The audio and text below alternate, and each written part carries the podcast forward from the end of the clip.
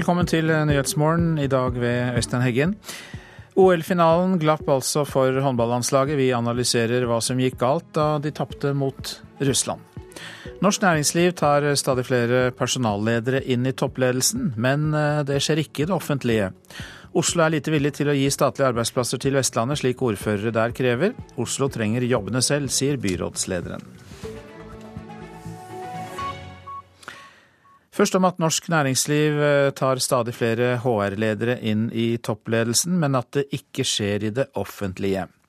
I privat virksomhet er 81 eh, av eh, ledere med ansvar for personalhåndtering med i toppledelsen. Det viser en undersøkelse fra Norges handelshøyskole.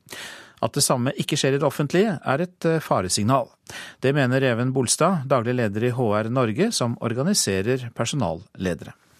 I offentlig sektor så bruker de mye mye mer av sin tid og sitt fokus på forvaltning, rettighetsadministrasjon og medbestemmelsesapparatet. Hvis vi ser på de som har tilsvarende stillinger i privat sektor, så har de en litt annen agenda. Det er mer jobbing med talent, mye mer med lederutvikling, organisasjonsutvikling og den type ting. Så når HR i så liten grad er inne i ledergruppen, så er det et symptom og det er et faresignal på at offentlig sektor ikke klarer å hente ut det potensialet de har i forhold til alle de dyktige medarbeiderne som jobber der. HR står for Human Resources, og kan litt forenklet kalles personalledelse. En ny studie gjennomført av Norges handelshøyskole viser at antallet HR-ledere i toppledelsen øker betraktelig i de private, men synker like drastisk i det offentlige. Konsekvensen for offentlig sektor eh, er at eh, man eh, ikke klarer å få gjort de tingene man burde gjøre, men blir hengt opp i å gjøre de tingene som man kanskje kunne brukt litt mindre energi på. Og, og Hvis vi da også ser på dette fra de ansattes side, så så, så, så, kunne de fått anledning antagelig til å jobbe i en enda bedre offentlig sektor enn det man har i dag.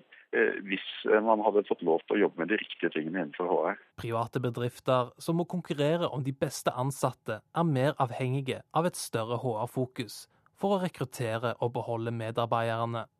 Offentlig sektor har ikke den samme utfordringen, sier Paul Gooderham, som står bak studien. Han mener dette kan være en mulig forklaring på hvorfor de to går ulike veier innen prioriteringen av personalledelse. Hvis alt er regulert, alt er på en måte forhåndsbestemt i hvordan man rekrutterer, hvordan man belønner, belønner og hvem som skal få tilgang til kompetanseutvikling. Um, så er det vel kanskje ikke fullt så viktig å ha med en HR-spesialist i toppledergruppen. Reporter her, det var eh, Ola Solheim.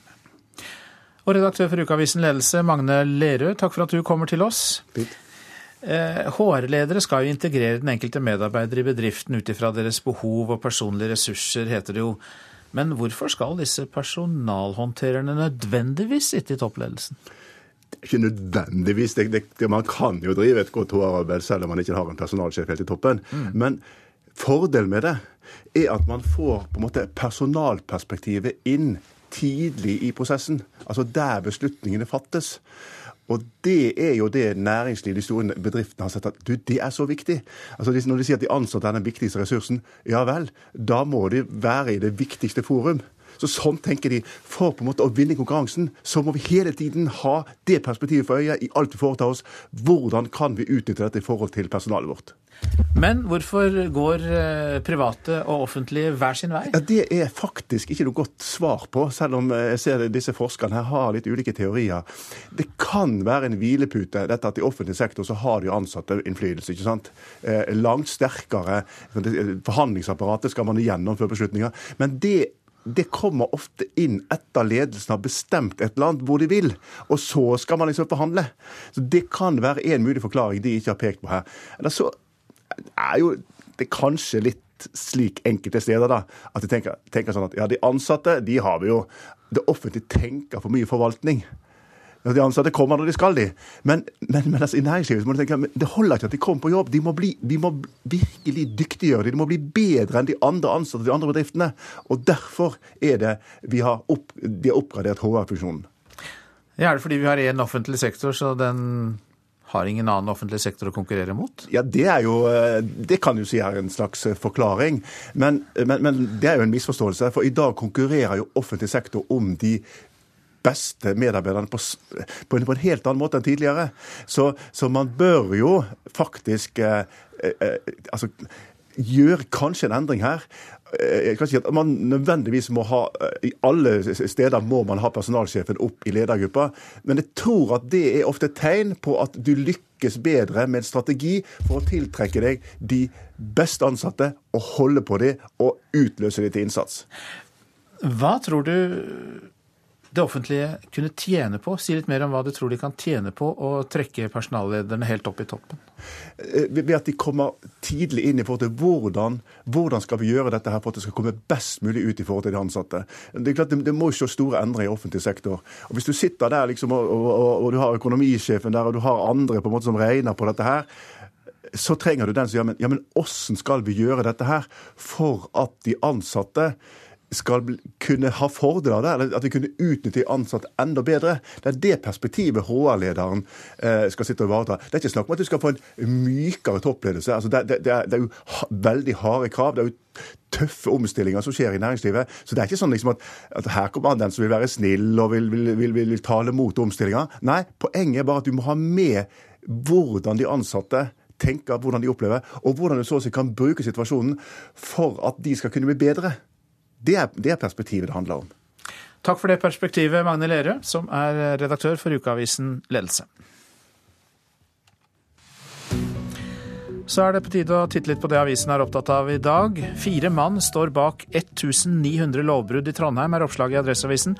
Politiet sier de står maktesløse overfor de fire mennene i 30-40-årsalderen. Ingen av dem kan bli dømt fordi de regnes som strafferettslig utilregnelige. Sylvi Listhaug sier ja til å være kandidat til stortingsvalget neste år, skriver Dagbladet. Hvis ikke jeg greier å kombinere morsrollen og politikerrollen, er det et signal som kan skremme vekk andre unge kvinner fra politikken, sier Listhaug. Rekordår for finans og sjømat mens oljenedturen fortsetter på Vestlandet, skriver Bergens Tidende. Vestlandet er ikke Vestlandet lenger, sier toppsjef Jan Erik Kjerpeseth i Sparebank Vest. Det spriker mer enn noen gang mellom bransjer og ulike regioner. Og Nordlys kan fortelle at eh, Troms fylke får brorparten av sine sårt tiltrengte eksportinntekter fra øya Senja, som omsetter sjømat for fem milliarder kroner.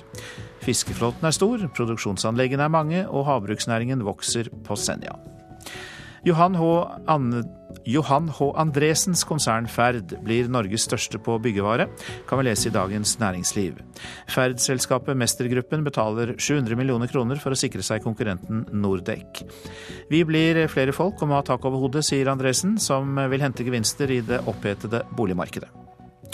Nyutdannede lærere er gode i sine fag, men dårlige på sosial kompetanse. Aftenposten gjengir en undersøkelse fra Skolelederforbundet, som har bedt rektorer fra hele landet gi ferske lærere karakterer.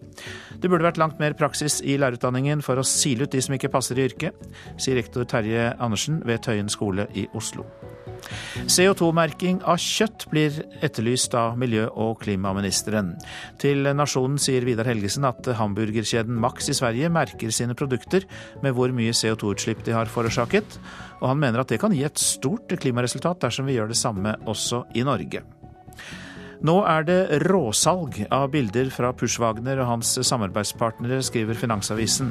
Store mengder grafikk pumpes ut i markedet, og kunsttjenere frykter priskollaps på arbeidene til Terje Brofoss, alias Harriton Pushwagner. Ja, vi hørte det i Dagsnytt. Drømmen om OL-finale gikk opp i røyk for de norske jentene som tapte nattens thriller av en semifinale. Mot Russland ble det ekstraomganger, men Camilla Herrem og Norge bommet i siste sekund og tapte 37-38. Og etter den kampen så var de norske jentene utrøstelige. Vi er skikkelig lei oss nå. Det, det, var liksom ikke sånn her det skulle gå. Uh, det er ikke så kult. veldig veldig skuffa akkurat nå. tøff kamp, jevn kamp. De norske håndballjentene var oppløst i tårer etter det som ble et drama uten like på parketten i Rio. Russland leder med 38-37, det er 25 sekunder igjen. Norge må ha mål! Norge må ha mål! 20 sekunder! Bredal Oftedal gir ballen til Kristiansen, ut til Herre fra kanten! Lopper! Den går på utsida! Den går på utsida! Norge og Camilla Herrem hadde mulighet til å få spillforlengelse i andre ekstraomgang. Men venstrekanten skjøt utenfor i siste sekund, og thrillersemifinalen endte med tap mot Russland 37-38. Eh, det føles egentlig bare veldig feil. Uvant.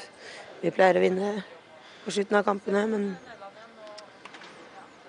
akkurat nå er jeg bare helt vanvittig skuffa. Nora Mørk var som de andre norske jentene langt nede, men mest lei seg var nok Camilla Herrem. Russland tar finaleplassen! Norske tårer spretter ute på håndballbanen!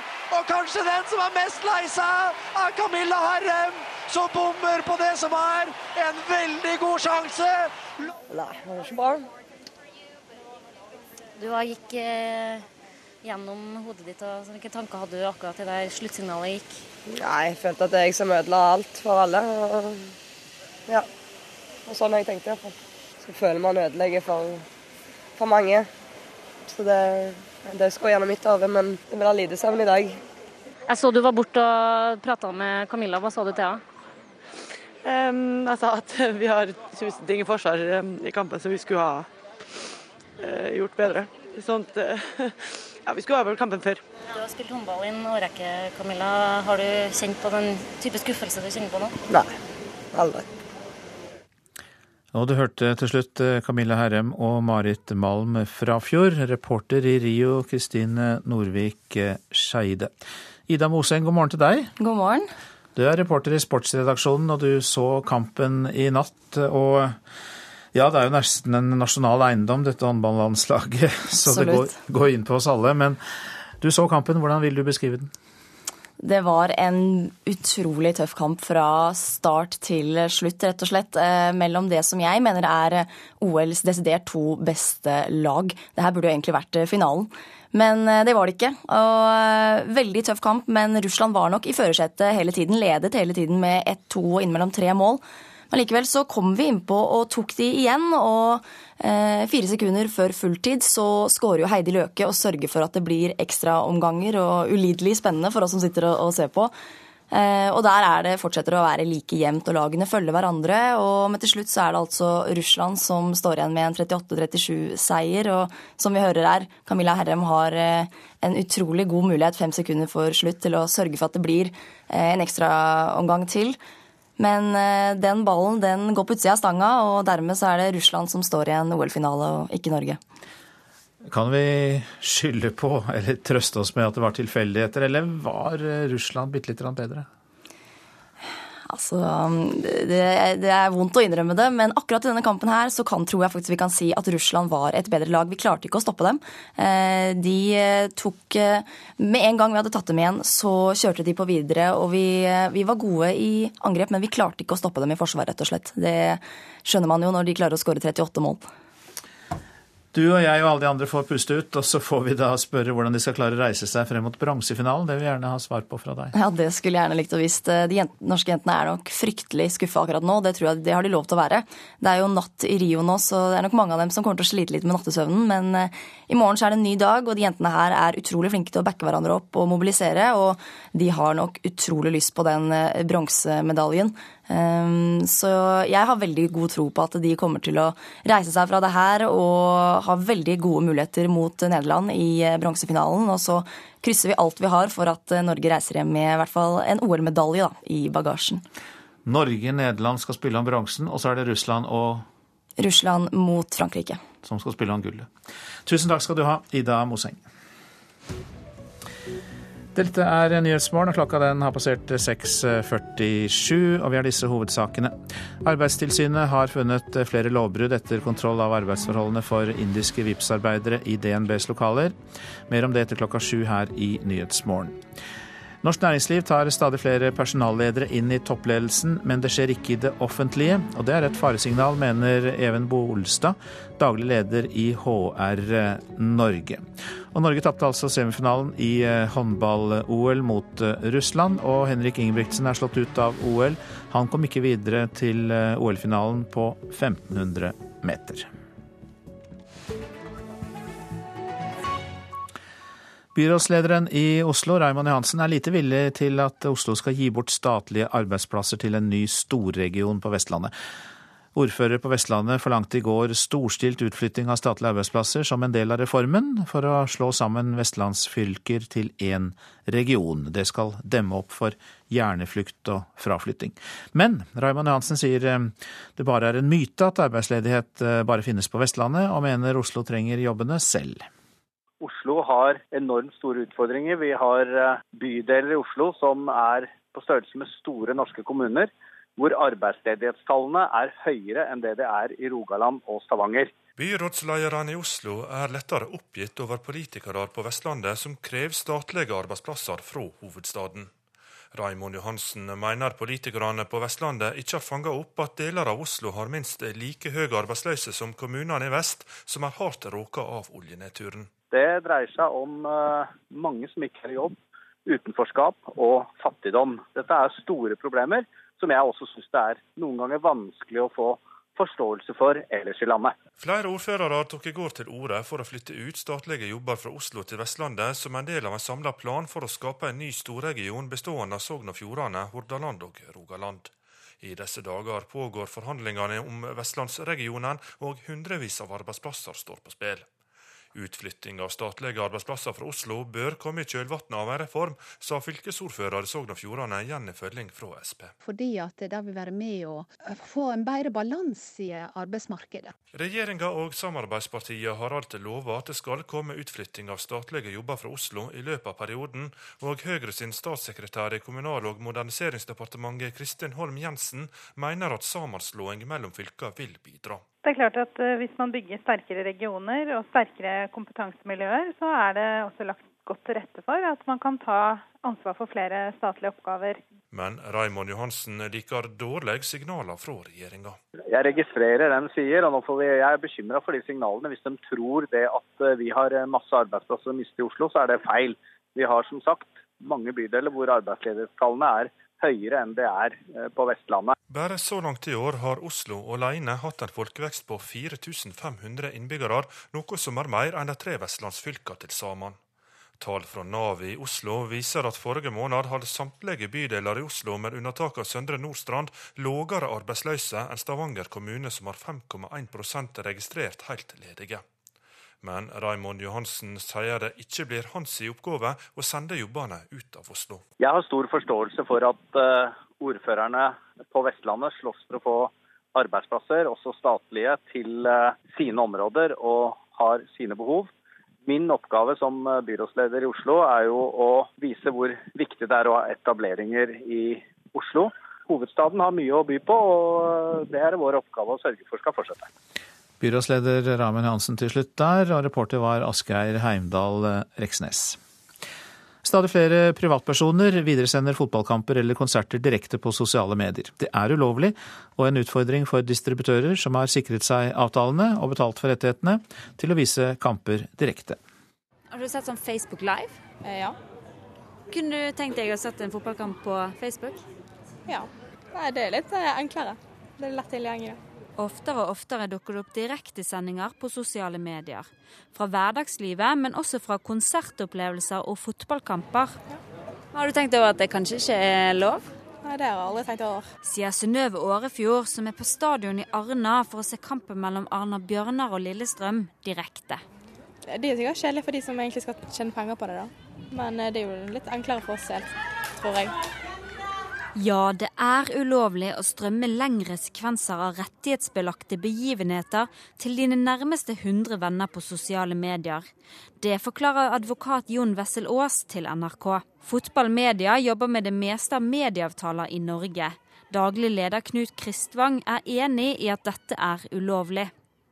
Han skriver i en e-post til NRK at de vil følge opp slike tilfeller av strømming, også rettslig om nødvendig. Hovedverdien i rettene til kampene som blir solgt eksklusivt og for dyre summer til én eller flere aktører, er nettopp direktesendingene medan kampene pågår.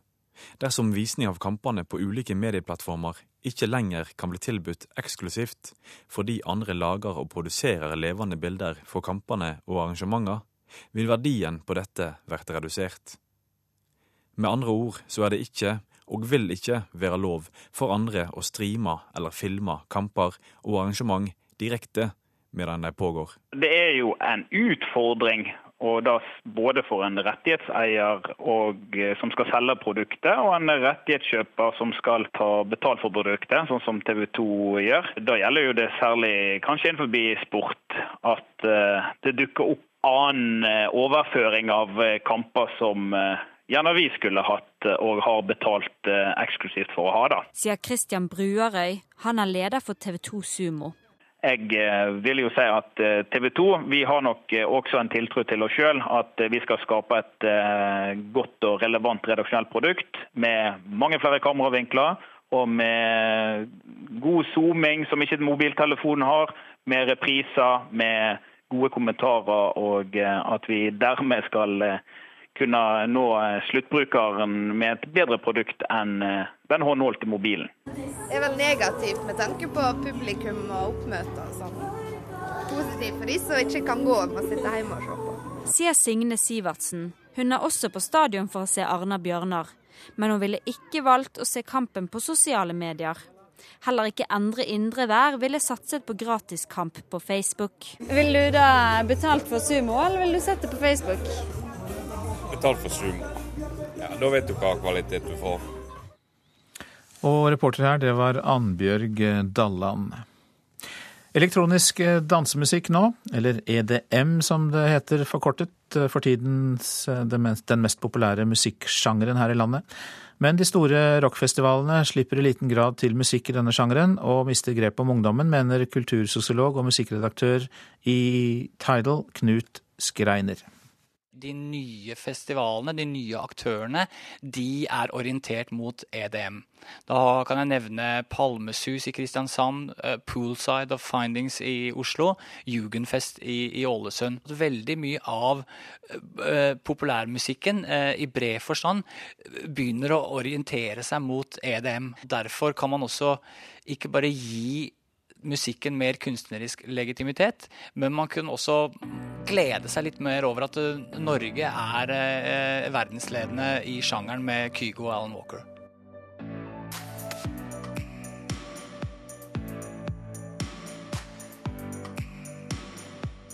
Kygo er en av Norges fremste eksponenter for musikksjangeren EDM. Musikken hans strømmes på strømmetjenester og spilles på radio over store deler av verden. Søndag spiller han til og med under avslutningsseremonien for OL i Rio. Men Kygo og andre innen denne sjangeren har vanskelig for å slippe til på de store rockefestivalene. Det mener Knut Skreiner at festivalene må gjøre noe med. Med Norwegian Wood så, så man jo at publikum bare ble eldre og eldre. Men jeg, jeg synes jo eh, Øyafestivalen i kraft av å være være ansett som, som, som, viktig, å ha en definisjonsmakt, noe som skal speile eh, den kontemporære musikkulturen, eh, burde vært tydeligere på banen her. Vi har masse elektronisk dansemusikk, både i et eget telt som heter Hifi-klubben, som er dedikert til det, og, og på andre scener, spesielt den store teltscenen som heter Sirkus, hvor det var Eh, dansing og, og, elektronisk musikk mange av, av, konsertene. Sier Jonas Prangerød, som er pressesjef for Øyafestivalen. Han frykter ikke en utvikling der publikum blir eldre og eldre. Nei, vi har, vi har en snittalder på publikummet som er et, et stykke opp i 20-åra, og der har det ligget ganske ganske jevnt. og det, det, betyr jo da uh, nødvendigvis at, at, at, det kommer nye til også. Prangerød er heller ikke redd for konkurransen fra nye festivaler som Findings. Han mener det er plass for begge. Nei, vi vil ha, vi vil ha uh, mange gode arrangementer av gode arrangører. Findings har sine både kunstneriske og, og arrangementsmessige målsetninger, regner jeg med. Og vi, vi har våre. Uh, vi ønsker en stor bredde Martin Nilsen hos Live Nation, som arrangerer Findings på Bislett stadion i Oslo denne helgen, sammen med Sky Agency, synes ikke det går an å sammenligne Findings med Øya. Jeg skulle si at hovedforskjellen er bredden av artister, masse ulike sjangre. Der man har singer-songwriters, man har litt EDM, man har litt pop, man har litt rock, man har litt metal. Eh, Mens vi er en pop- og EDM-festival. Det sa altså Martin Nilsen til reporter Tone Staude. Så var det værvarselet og eh, østafjells og fjell i Sør-Norge først. Det blir skiftende skydekke og regnbyger. I Agder lokalt kraftige byger. Vestlandet lokale tåkeskyer i kystområdene først på dagen. Utrygt for regnbyger i innlandet. For øvrig oppholdsvær og perioder med sol på Vestlandet. Så går vi til Trøndelag og Nord-Norge. Pent og varmt vær der, men mer skyet i grensestrøkene. Utpå ettermiddagen trekker skyene ut mot kysten, og det er ventet spredt regn i grensestrøkene. Så går vi til Spitsbergen. Liten sørvestlig kuling utsatte steder. Skyet, perioder med litt regn og lokal tåke. Temperaturer målt klokka fem. Svalbard lufthavn og Kirkenes begge med 11 grader.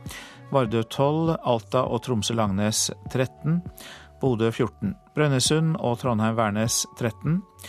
Molde 14, Bergen-Flesland 10, Stavanger 12, Kristiansand-Kjevik 11, Gardermoen 12, Lillehammer 13, Røros 7 grader og Oslo-Blindern 14 grader.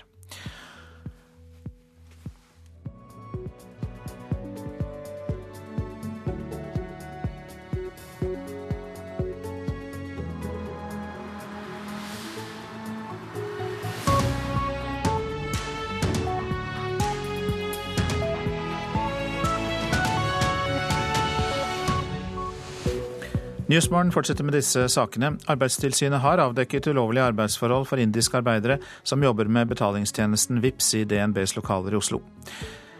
Hvem vant gårsdagens partilederdebatt? Vi setter vår kommentator på den saken. En ny avtale mellom Norge og Iran kan være godt nytt for oljebransjen i Stavanger. Og på Filippinene er tolv ledere av kommunistgeriljaen løslatt før fredsforhandlinger som starter i Oslo over helgen. Først om arbeidsforholdene for de som jobber med betalingstjenesten VIPS. Arbeidstilsynet har funnet flere lovbrudd for VIPS-arbeidere som jobber for DNBs underleverandør TCS. Ansatte i det indiske IT-selskapet jobber flere uker i strekk uten at de får fri, og de blir pålagt mer overtid enn det som er tillatt, viser en foreløpig rapport. Vi følger opp lovbruddene, sier DNBs kommunikasjonsdirektør Even Westerveld.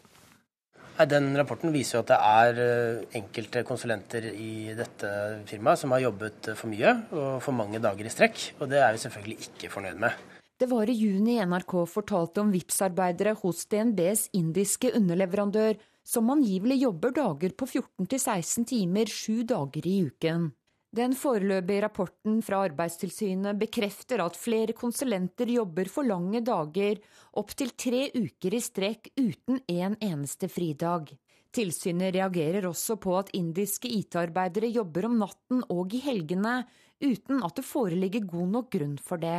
Men det er ikke i nærheten av det nivået som ble antydet i de påstandene som kom frem i juni, og det er også betryggende. Sier DNBs kommunikasjonsdirektør Even Westerveld. Foreløpig har tilsynet kun foretatt stikkprøver, og har mye dokumentasjon som ikke er gjennomgått. Også påstander om fryktkultur skal undersøkes, og DNBs ansvar skal gjennomgås. Men den jobben er heller ikke ferdig. So we've been uh, cooperating with uh. Hos DNBs indiske underleverandør Tata Consultancy Services sier norgessjefen Vikram Greval at de samarbeider godt med det norske arbeidstilsynet. And we will have uh, more meetings with them. Vi skal ha flere møter med tilsynet, men fordi vi er midt i en prosess, kommenterer vi ikke enkeltfunn, sier Greval. So I don't think I would like to comment on, on it any further. Det var leder i EL- og IT-forbundet Jan Olav Andersen som tipset Arbeidstilsynet om det de mener er eksempler på grov sosial dumping. Det har bekreftet den mistanken vi har hatt, og det som er grunnlaget for at vi henvendte oss til Arbeidstilsynet. Vi er dessverre ikke så veldig overraska over at det viser seg å medføre riktighet. Summen av det er jo omtrent brudd på det som er av arbeidstidsregler i Norge. Eh, VIPS er et prestisjeprosjekt for DNB. Hvor uheldig er det at uh, underleverandøren blir satt under lupen på denne måten? Nei, det er ikke uheldig i det hele tatt. Det er viktig uh, at det kommer fram uh, når det er brudd og folk som har jobba for mye. Det skal ikke skje, og det er vi også opptatt av å følge opp. Kommunikasjonsdirektør Westerwell opplyser at banken også har startet sin egen revisjon av underleverandøren, med fokus på samfunnsansvar. De spør om alt fra hvordan eh, timelister og registrering fungerer, hvordan de har det på jobb, eh, verneombud og alle disse tingene. Det er også indikasjoner på at systemet for arbeidstid i TCS legger hindringer for at de ansatte kan registrere den tiden de faktisk jobber, skriver Arbeidstilsynet i sin foreløpige rapport. Det samsvarer med hva NRK tidligere har fortalt. Og reportere her var Line Tomter og eh, Anne Cecilie Remen. Nå til partilederdebatten i går. KrF-lederen var den eneste som eh, turte å gi seg selv terningkast etter debatten. I går møttes de åtte partilederne til debatt i kultur- og rådhuset i Arendal. Og NRK utfordret eh, statsminister Erna Solberg til å bedømme egen innsats. Jeg må innrømme at jeg føler aldri at jeg vet helt hvordan debatt har sett ut utenfra, når du selv står i det. Statsminister og Høyre-leder Erna Solberg, like etter at lyskasterne var slått av og debatten var over. For Du er alltid egentlig mest sur på de tingene du ikke fikk sagt som du ville ha sagt. Så, så jeg tenker at det der terningkastgreiene får noen andre ta. Heller ikke Senterpartiets leder, Trygve Slagsvold Vedum, ville bidra med noe terningkast. Nei, det skal ikke drive det. Innsatsen var, så, den var stor, da. Men så er det ikke alltid at du får ordet. Så, sånn er det jo. Ok, da, la meg spørre sånn. Er du fornøyd med din egen innsats? Jeg er aldri helt fornøyd, og det skal det ikke være. Men eh, det er jo ikke, han vil alltid ha mer på hjertet i sånne debatter. Sånn, den som er helt fornøyd etter en sånn debatt, den, eh, den vil egentlig slutte. SV-leder Audun Lysbakken trodde vi et lite øyeblikk vi hadde på glid. Jeg syns det gikk ganske bra i dag, jeg. Så eh, vi får si eh, fem for innhold, SV sin politikk.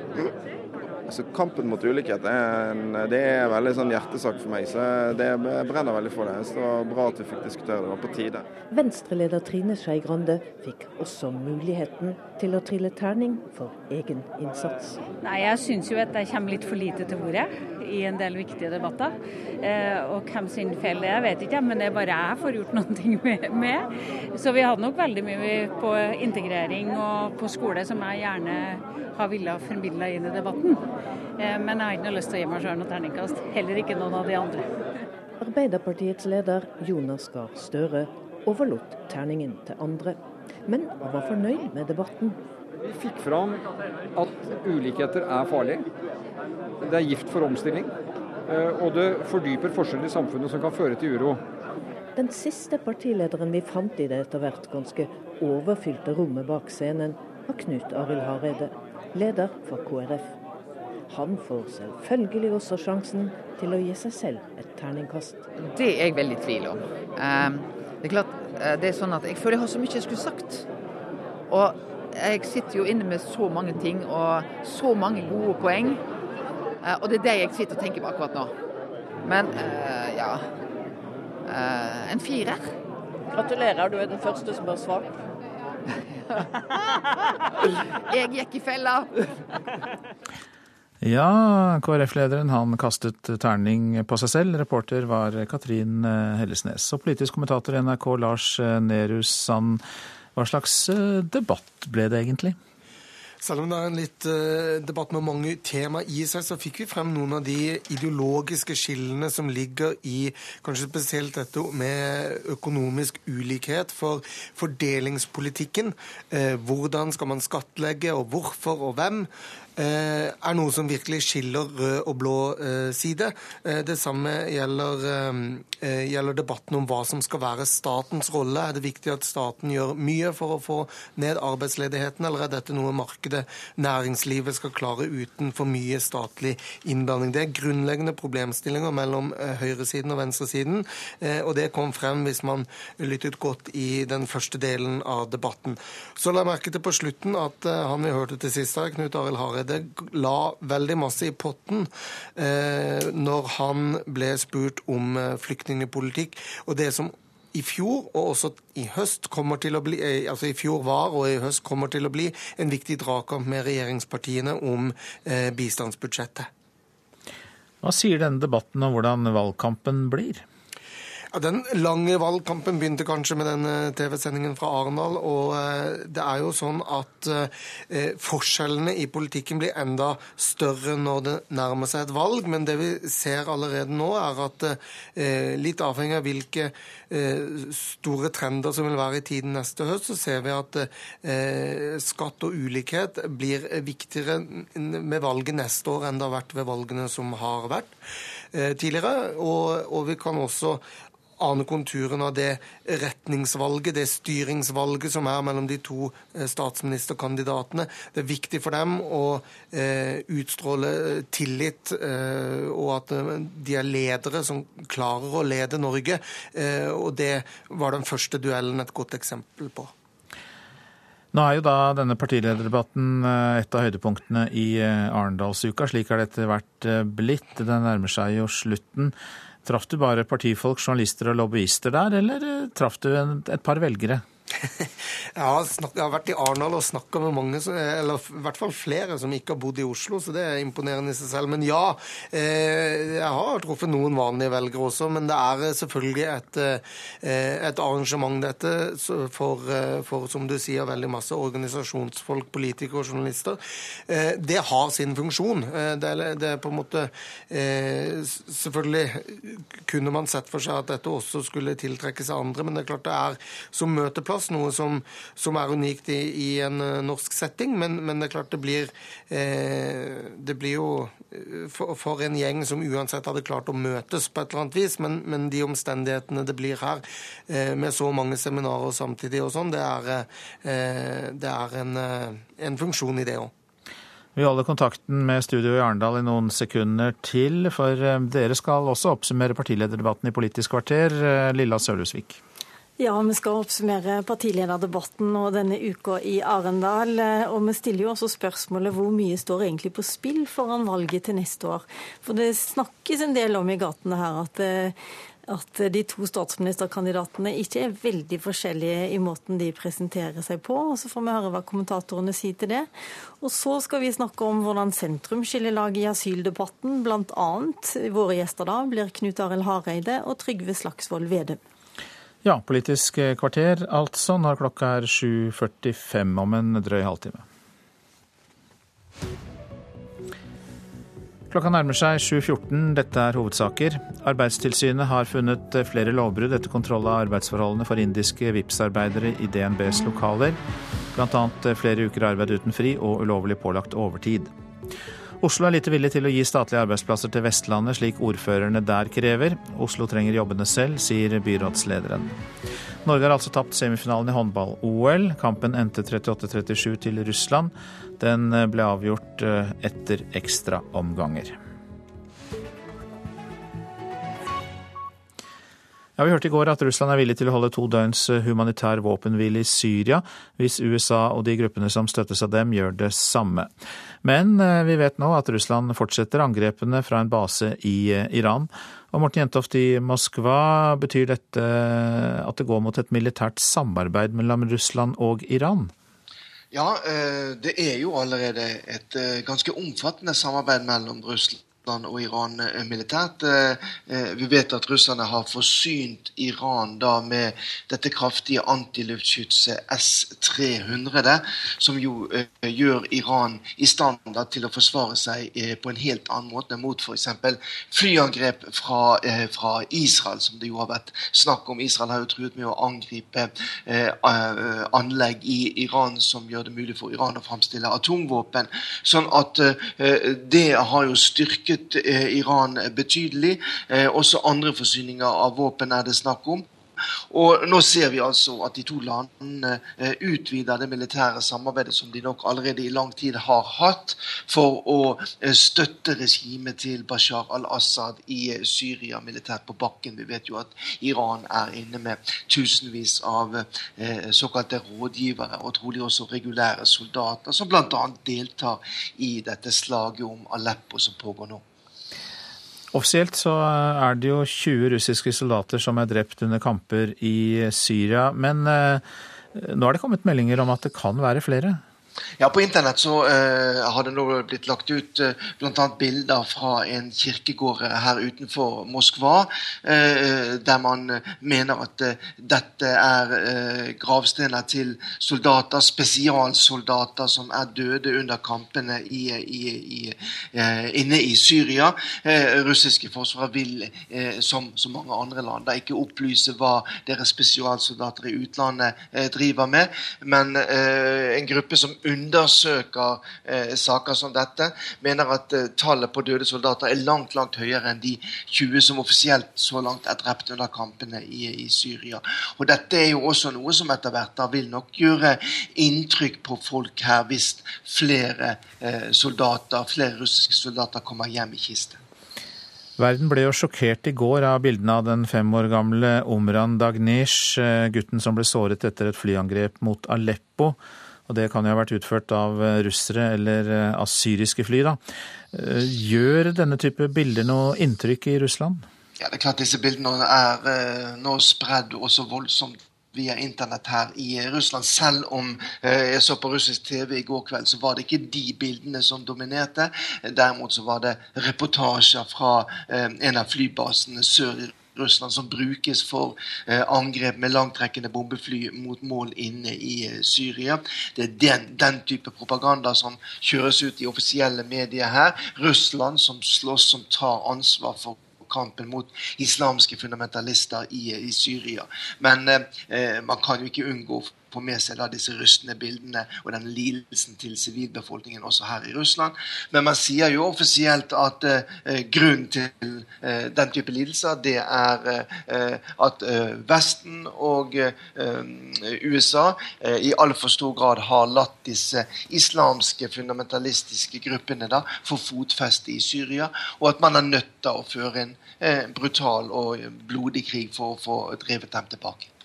Korrespondent i Moskva, Morten Jentoft, eh, takk skal du ha. På Filippinene er tolv ledere av kommunistgeriljaen løslatt mot kausjon før fredsforhandlinger som starter i Oslo over helgen.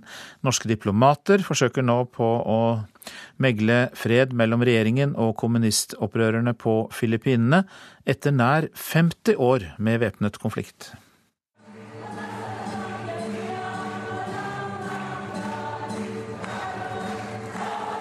Allsang og optimisme i kommunistenes hovedkvarter i Manila i går kveld.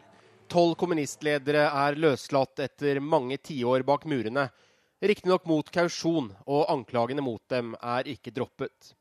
For fire år siden var det nettopp fangespørsmålet som gjorde at fredssamtalene med kommunistene stoppet opp.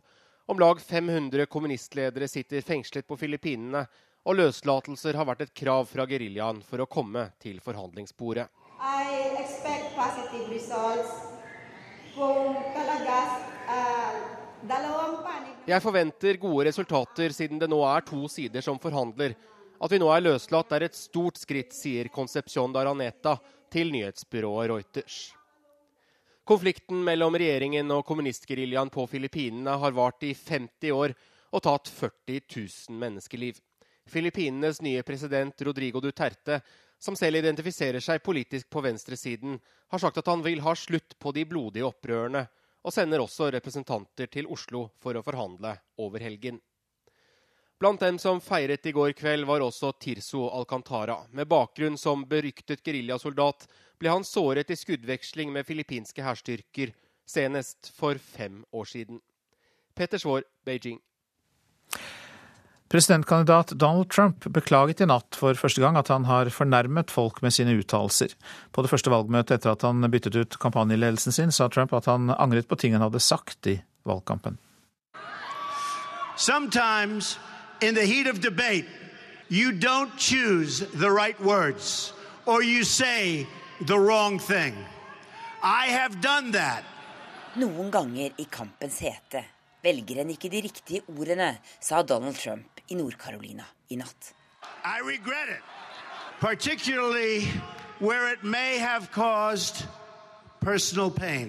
Og det angrer jeg faktisk på. Ikke minst når det kan ha påført andre mennesker smerte, la han til. Det er første gang republikanernes presidentkandidat virkelig ber om unnskyldning for noe han har sagt. Trump gjorde det ikke klart hvem han ber om unnskyldning.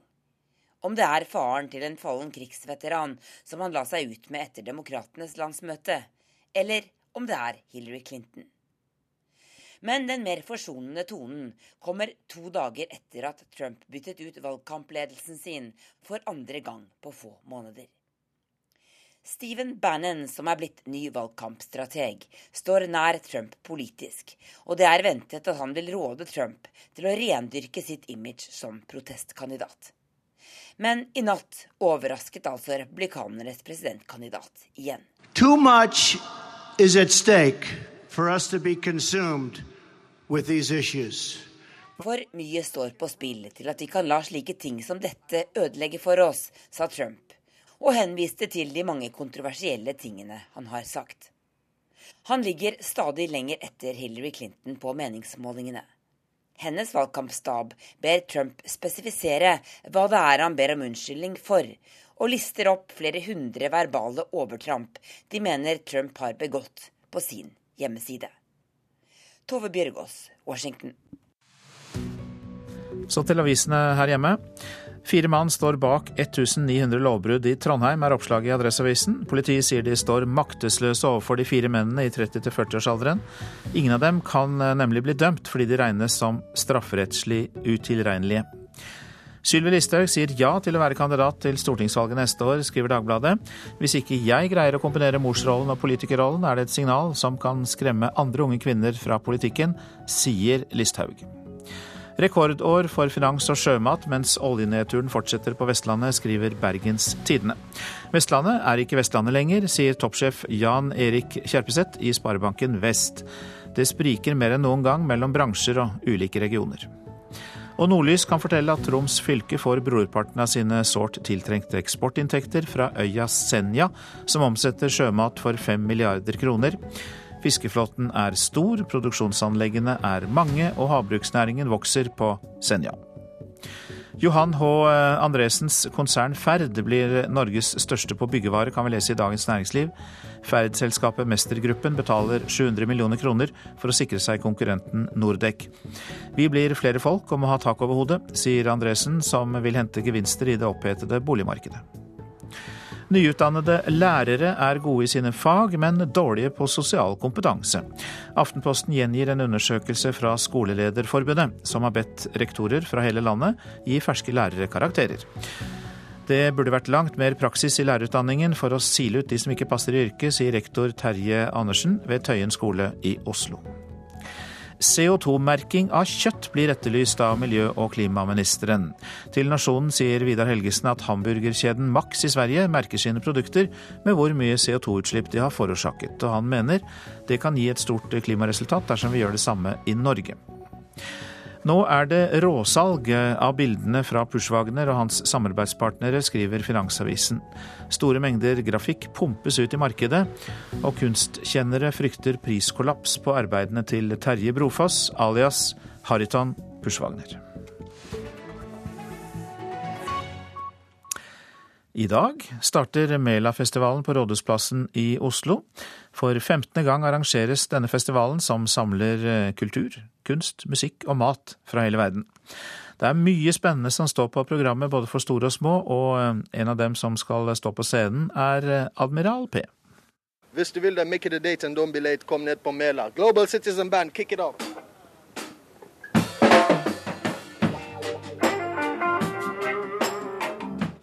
Admiral P er i gang med øvingen i øvingslokalet på Hasle i Oslo. De karibiske rytmene og de norske tekstene gjør at Admiralen er midt i blinken for Melafestivalen, hvor målet nettopp er å blande ulike kulturer og sjangere. Admiral P, som er født og oppvokst i Zambia og nå bosatt i Askim, skal opptre på festivalen på lørdag. Første gang så spilte jeg på Klubb Mela, og var, jeg fikk ikke hele opplevelsen. Jeg har alltid villet stå på den store scenen og spille for de mange menneskene som kommer ned på Rådhusplassen. Så endelig har jeg fått eh, æren til å gjøre det, så jeg gleder meg veldig til å gjøre det sammen med Global Citizen Band.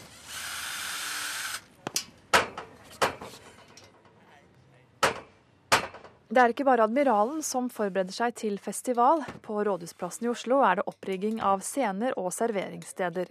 En av dem som skrur og hamrer for å få ting på plass, er skater Adi Luigi Diani.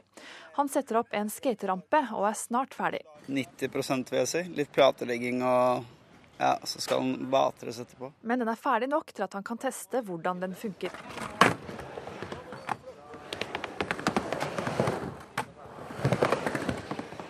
Så lenge det ikke er glatt på en ramp og sånne ting, og hvis det er godt grep, så er det at platene stemmer, så er det vi er på track. Adil er profesjonell skater og kan skilte med bl.a. VM-tittel i Highest Air og flere andre internasjonale topplasseringer. Dessuten har han som hobby å sette verdensrekorder. F.eks. står han oppført i Guinness rekordbok for bl.a. verdens høyeste bomb drop, dvs. Si fritt fall fra en høyde på 9,3 meter over rampen.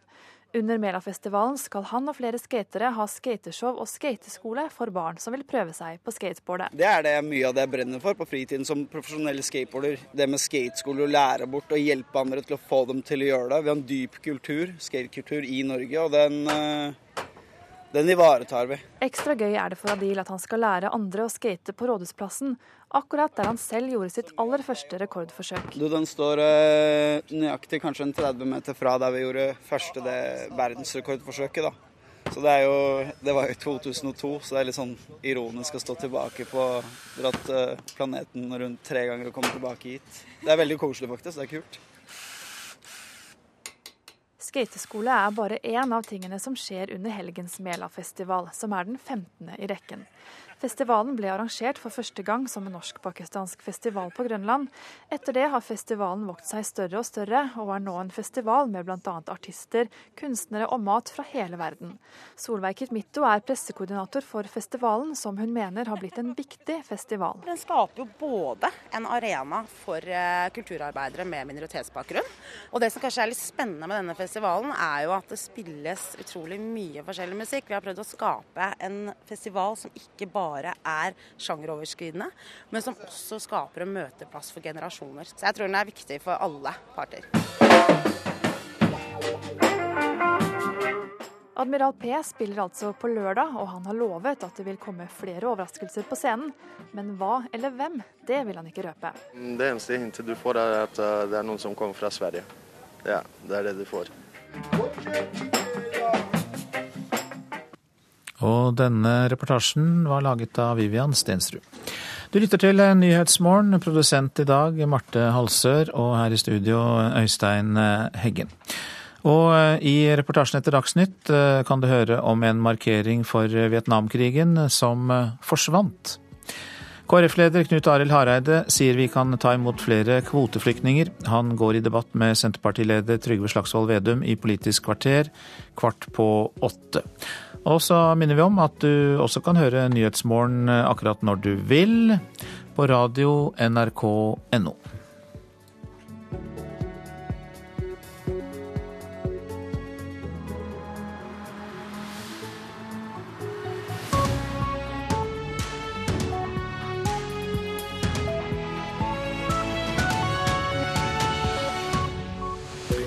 Tre korte stikkord for den neste halvtimen. Uenighet i sentrum, lovbrudd i arbeidsliv og utdanning.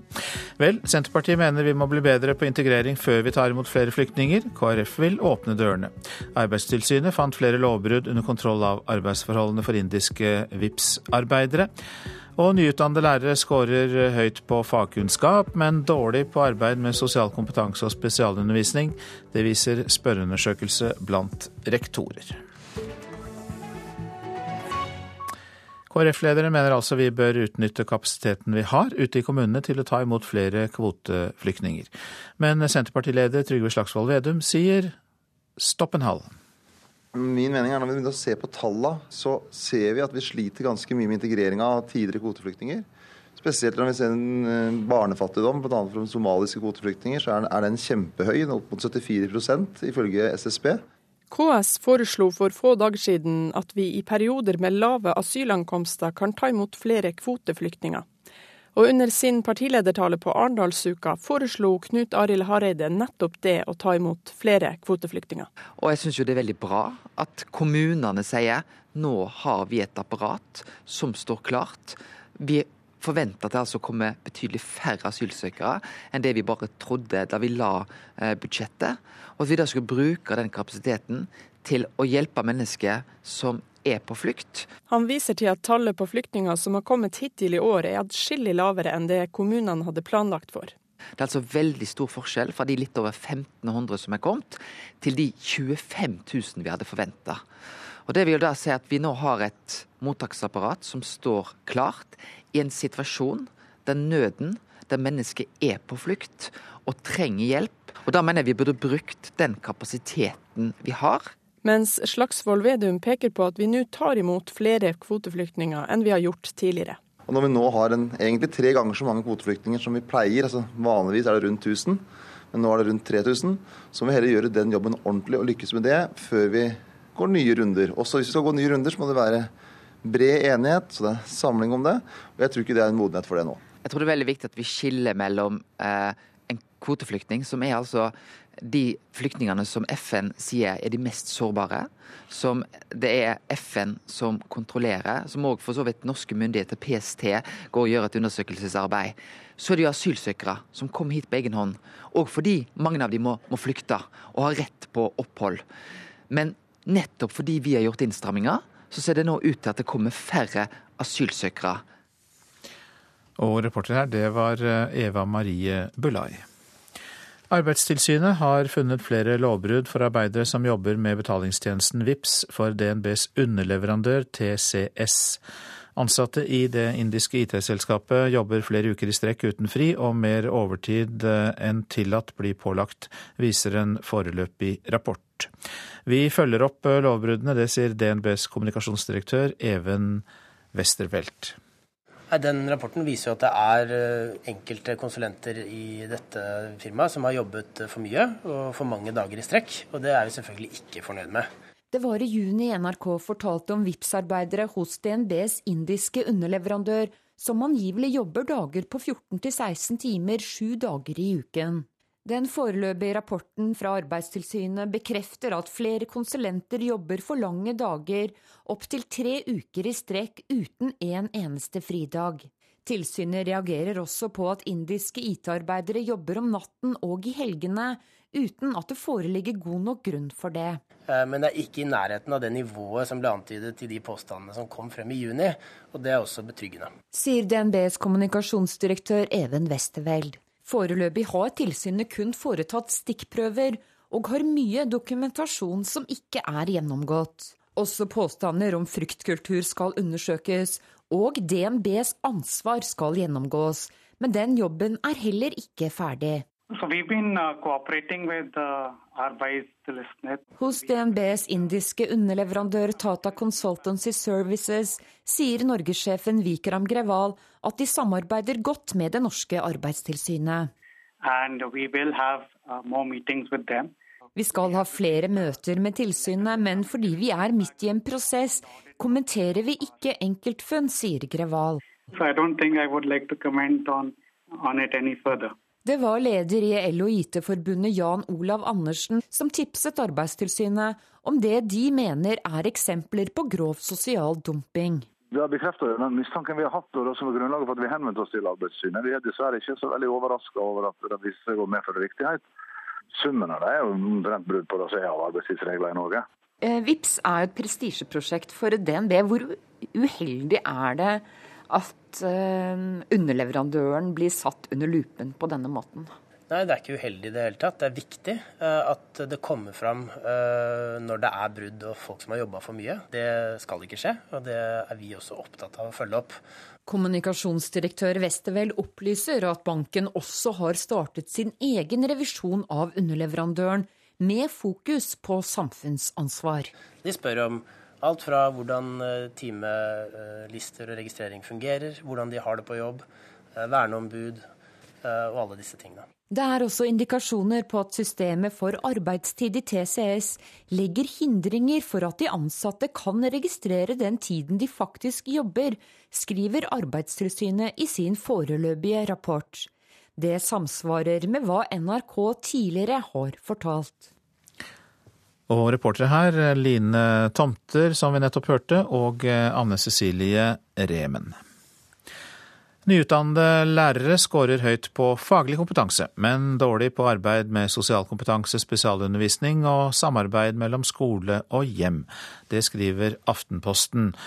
Og det er en ny undersøkelse fra skolelederforbundene som viser det. De har spurt rektorer fra hele landet og bedt dem gi nyutdannede lærere karakterer.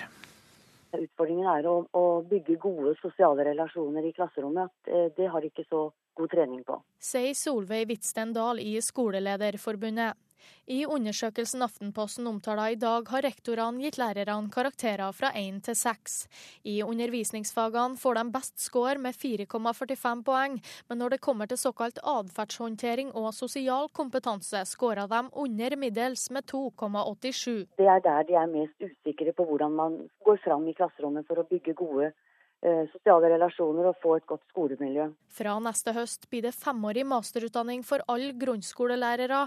Dahl mener det er et sprik mellom det regjeringa ønsker å prioritere og det rektorene sier de trenger av kompetanse. Det faglige får veldig sterk fokus i, også i den nye masterutdanningen. Og vi tror at eh, skal man bli god på den sosiale relasjonsbyggingen, så, så må man ut i praksisfeltet, altså ut blant elevene. Ut og trene, ut og lære. Hun etterlyser mer praksis og pedagogikk. Bekymringen vår den har vært at det pedagogiske blir tona noe ned. Og at, eh, at, det blir mer vekt på, eh, på, de fag, den faglige kompetansen. Men, men, vi er jo ikke, vi er ikke mot at lærerne skal være gode på fagene sine når de kommer ut. Det er klart, det er vi helt avhengig av. Men det må også være de må også mestre eh, å være i klasserommet og være i skolen og kunne bygge gode skolemiljø for elevene. Og vi legger til at eh, kunnskapsminister Torbjørn Røe Isaksen sier til Aftenposten at han mener masterutdanningen vil gjøre lærerne bedre rustet i pedagogikk, bl.a. fordi de må skrive en eh, masteroppgave. Og reporter her, det var Tanita Kveinå. Oslo har ikke råd til å gi bort statlige arbeidsplasser til en ny storregion på Vestlandet. Det mener byrådsleder i Oslo, Raymond Johansen. Ordførere på Vestlandet forlangte i går en storstilt utflytting av statlige arbeidsplasser som en del av reformen for å slå sammen vestlandsfylker til én region. Men Johansen sier Oslo trenger jobbene selv. Oslo har enormt store utfordringer. Vi har eh, bydeler i Oslo hvor arbeidsledighetstallene er høyere enn det det er i Rogaland og Stavanger. Raimond Johansen mener politikerne på Vestlandet ikke har fanga opp at deler av Oslo har minst like høy arbeidsløse som kommunene i vest, som er hardt råka av oljenedturen. Det dreier seg om mange som ikke har jobb, utenforskap og fattigdom. Dette er store problemer som jeg også syns det er noen ganger vanskelig å få forståelse for ellers i landet. Flere ordførere tok i går til orde for å flytte ut statlige jobber fra Oslo til Vestlandet som en del av en samla plan for å skape en ny storregion bestående av Sogn og Fjordane, Hordaland og Rogaland. Regjeringa og samarbeidspartiene har alltid lova at det skal komme utflytting av statlige jobber fra Oslo i løpet av perioden, og Høyre sin statssekretær i Kommunal- og moderniseringsdepartementet Kristin Holm Jensen mener at sammenslåing mellom fylker vil bidra. Det er klart at eh, Hvis man bygger sterkere regioner, så er det også lagt godt til rette for at man kan ta ansvar for flere statlige oppgaver. Tall fra Nav i Oslo viser at forrige måned hadde samtlige bydeler i Oslo, med unntak av Søndre Nordstrand, lågere arbeidsløse enn Stavanger kommune, som har 5,1 registrert helt ledige. Men Raimond Johansen sier det ikke blir hans oppgave å sende jobbene ut av Oslo. Jeg er bekymra for de signalene. Hvis de tror det at eh, vi har masse arbeidsplasser å miste i Oslo, så er det feil. Og eh, det var altså Raymond Johansen der, reporter Asgeir Heimdal eh, Reksnes. Men Vestlandet kan kanskje få nye jobber på andre måter. Norge og Iran underskriver en avtale om utvidet samarbeid, nemlig, og det kan være godt nytt for den kriserammede oljesektoren i Stavanger. Etter at sanksjonene mot Iran nå er hevet, inngås nye handelsavtaler med Den islamske republikken. I går var utenriksminister Børge Brende i Teheran. I går prydet en smilende utenriksminister Børge Brende førstesiden av avisen Iran News under overskriften Oslo setter av 1 milliard euro i kreditt til Iran. For denne uken ble det skrevet et lite stykke historie mellom Norge og Iran. Onsdag undertegnet partene en intensjonsavtale om utvidet handelssamarbeid og kreditt. Bredest av alle smilte den iranske utenriksministeren Mohammed Javad Zarif, som har jobbet intenst i årevis for å få atomavtalen mellom Iran og Vesten på plass.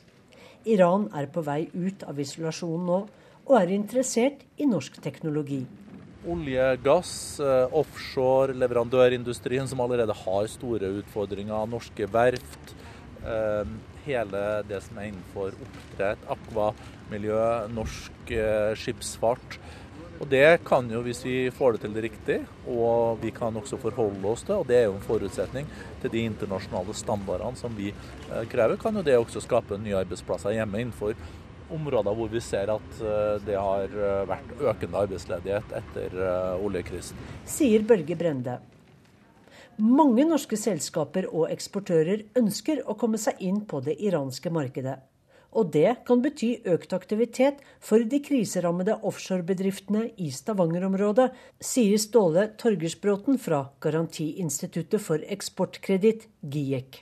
Det kan være gode muligheter, og eh, er det noe norske eksportører og eh, jeg vil si vestlands, vestlandsentreprenører har vist seg gode på, så er det å snu seg rundt og eh, finne nye markeder og nye produkter når det kniper til. Han har utarbeidet intensjonsavtalen. Men blant iranere øker frustrasjonen over at Iran-avtalen fra i fjor ikke gir synlige resultater åtte måneder etter at den trådte i kraft. Utenriksminister Javad Zarif kritiserer USA for ikke å samarbeide godt nok. Uh, well, I think uh, what is important is for the United States to make sure that the commitment it undertook under JCPOA are implemented in practice. USA må involvere seg mer noe som også er viktig for psykologien rundt denne avtalen, mener Jawad Zarif.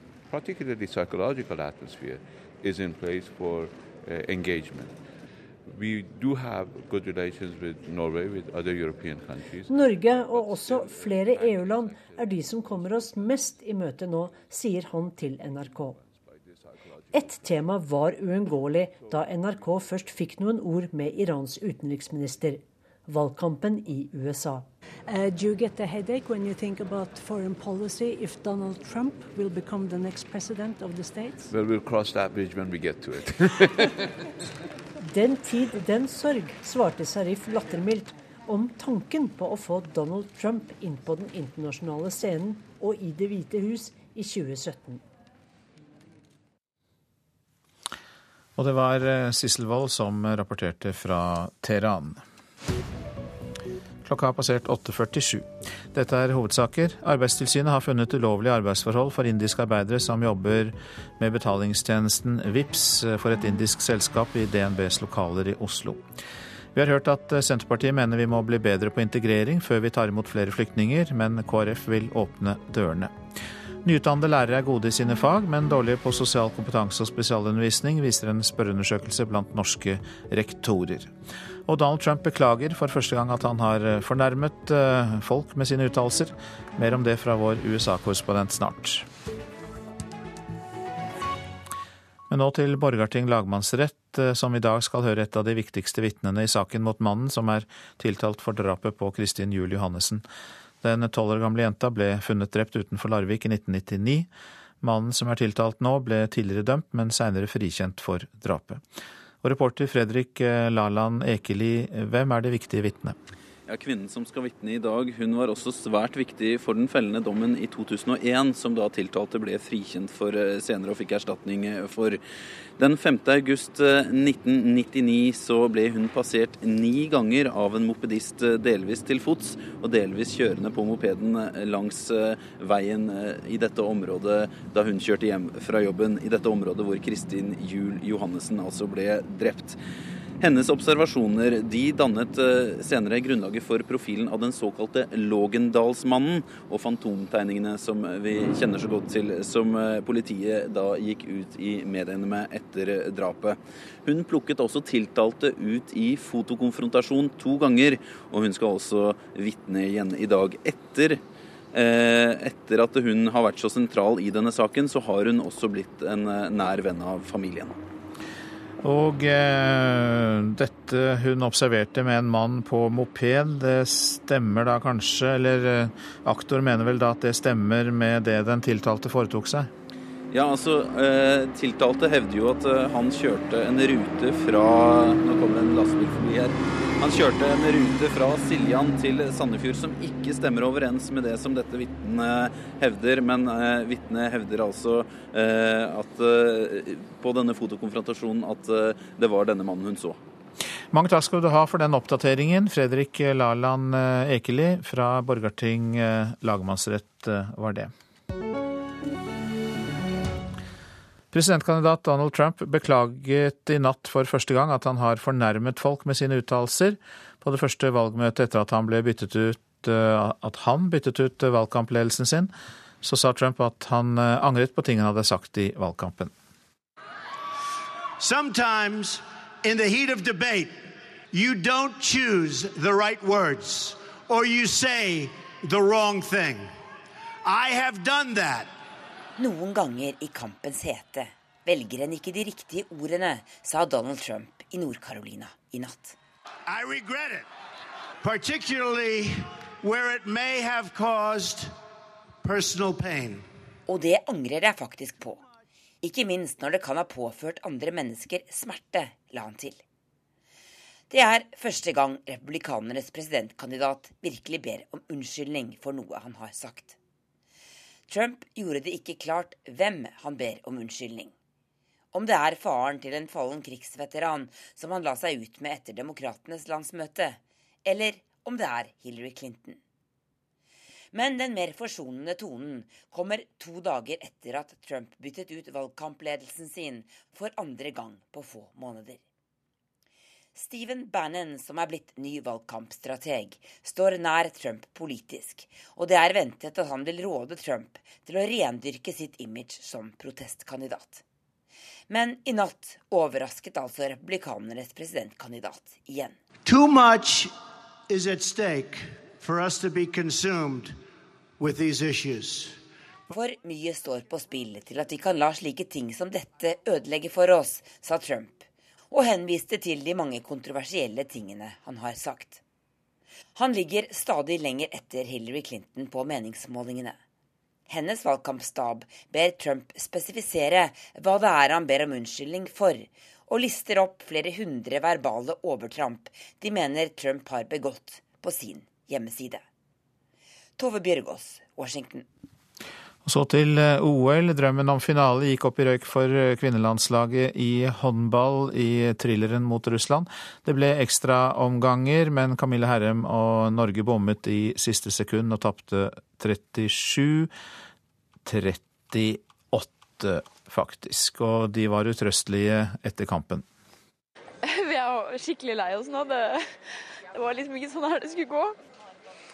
Eh, Det er ikke så kult. veldig, veldig skuffa akkurat nå. tøff kamp, jevn kamp. De norske håndballjentene var oppløst i tårer etter det som ble et drama uten like på parketten i Rio. Russland leder med 38-37, det er 25 sekunder igjen. Norge må ha mål! Norge må ha mål! 20 sekunder! Bredal Oftedal gir ballen til Kristiansen, ut til Herre fra kanten! Lopper! Den går på utsida! Den går på utsida! Norge og Camilla Herrem hadde mulighet til å få spillforlengelse i andre ekstraomgang. Men venstrekanten skjøt utenfor i siste sekund, og thrillersemifinalen endte med tap mot Russland 37-38. Eh, det føles egentlig bare veldig feil. Uvant. Vi pleier å vinne på slutten av kampene, men akkurat nå er jeg bare helt vanvittig skuffa. Nora Mørk var som de andre norske jentene langt nede, men mest lei seg var nok Camilla Herrem. Russland tar finaleplassen! Norske tårer spretter ute på håndballbanen! Og kanskje den som er mest lei seg, er Camilla Herrem, som bommer på det som er en veldig god sjanse. Nei, jeg det ikke barn. Du gikk eh gjennom hodet ditt? og Hvilke tanker hadde du akkurat til der sluttsignalet gikk?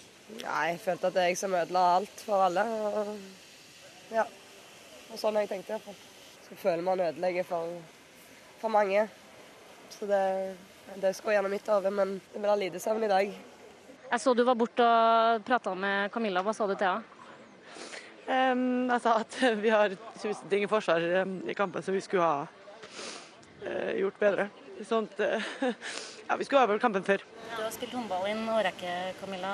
Har du kjent på den type skuffelse du kjenner på nå? Nei, aldri. Til slutt, eh, Camilla Herrem og Marit Malm Frafjord, reporter i Rio, Kristine Norvik eh, Skeide. Og da får vi se framover. Det blir altså bronsefinale mellom Norge og Nederland, og så blir det finale mellom Russland og Frankrike. Usain Bolt fra Jamaica tok i natt sitt åttende OL-gull da han vant 200 meter i Rio de Janeiro helt suverent. Bolt eh, følte selv at han hadde kontroll. Yeah, I, I wasn't worried about if I was going to win. I think I was better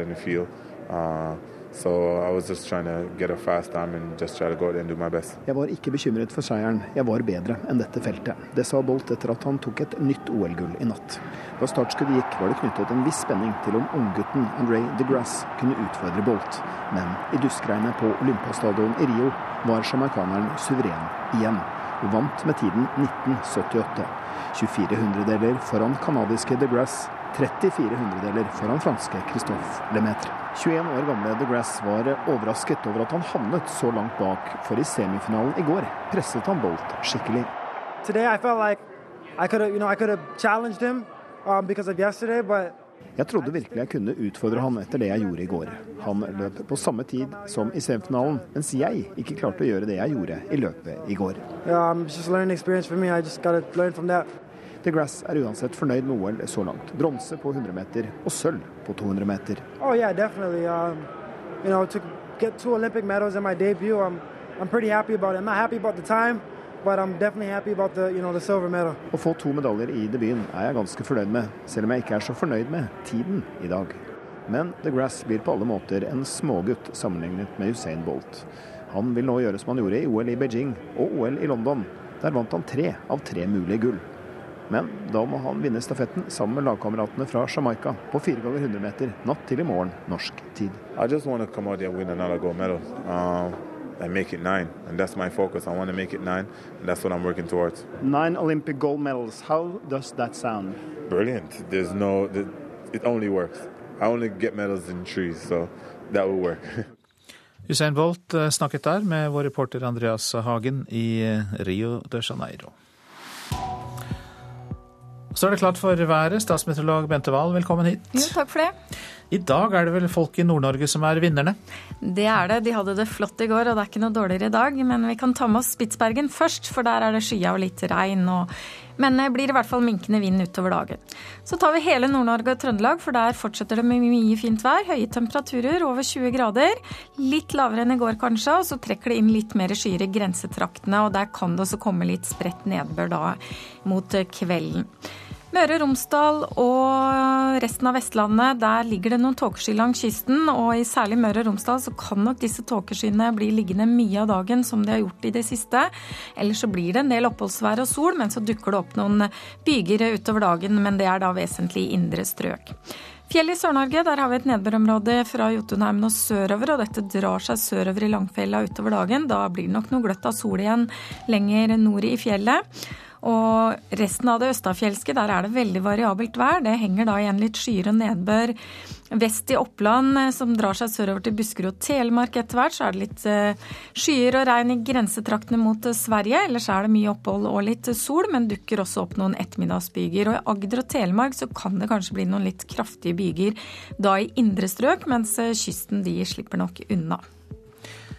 Det er fredag i dag. Er det noen som kan glede seg til helgeværet? Ja, det starter i hvert fall best i nord, og så avsluttes det litt dårligere der på søndag. Mens det er litt sånn variabelt vær. Det er kanskje Midt-Norge som får det aller beste været totalt sett gjennom helga. Aller best vær i Midt-Norge. Hørte dere det, folkens? Hold dere der hvis dere er der. Det var Bente Wahl som orienterte oss om været, og så runder vi av med å si at Sven Gullvåg han var ansvarlig for nyhetssendingene på morgenkvisten. Marte Halser var produsent for Nyhetsmorgen, Espen Hansen teknisk ansvarlig, og ved mikrofonen i dag Øystein Hegge.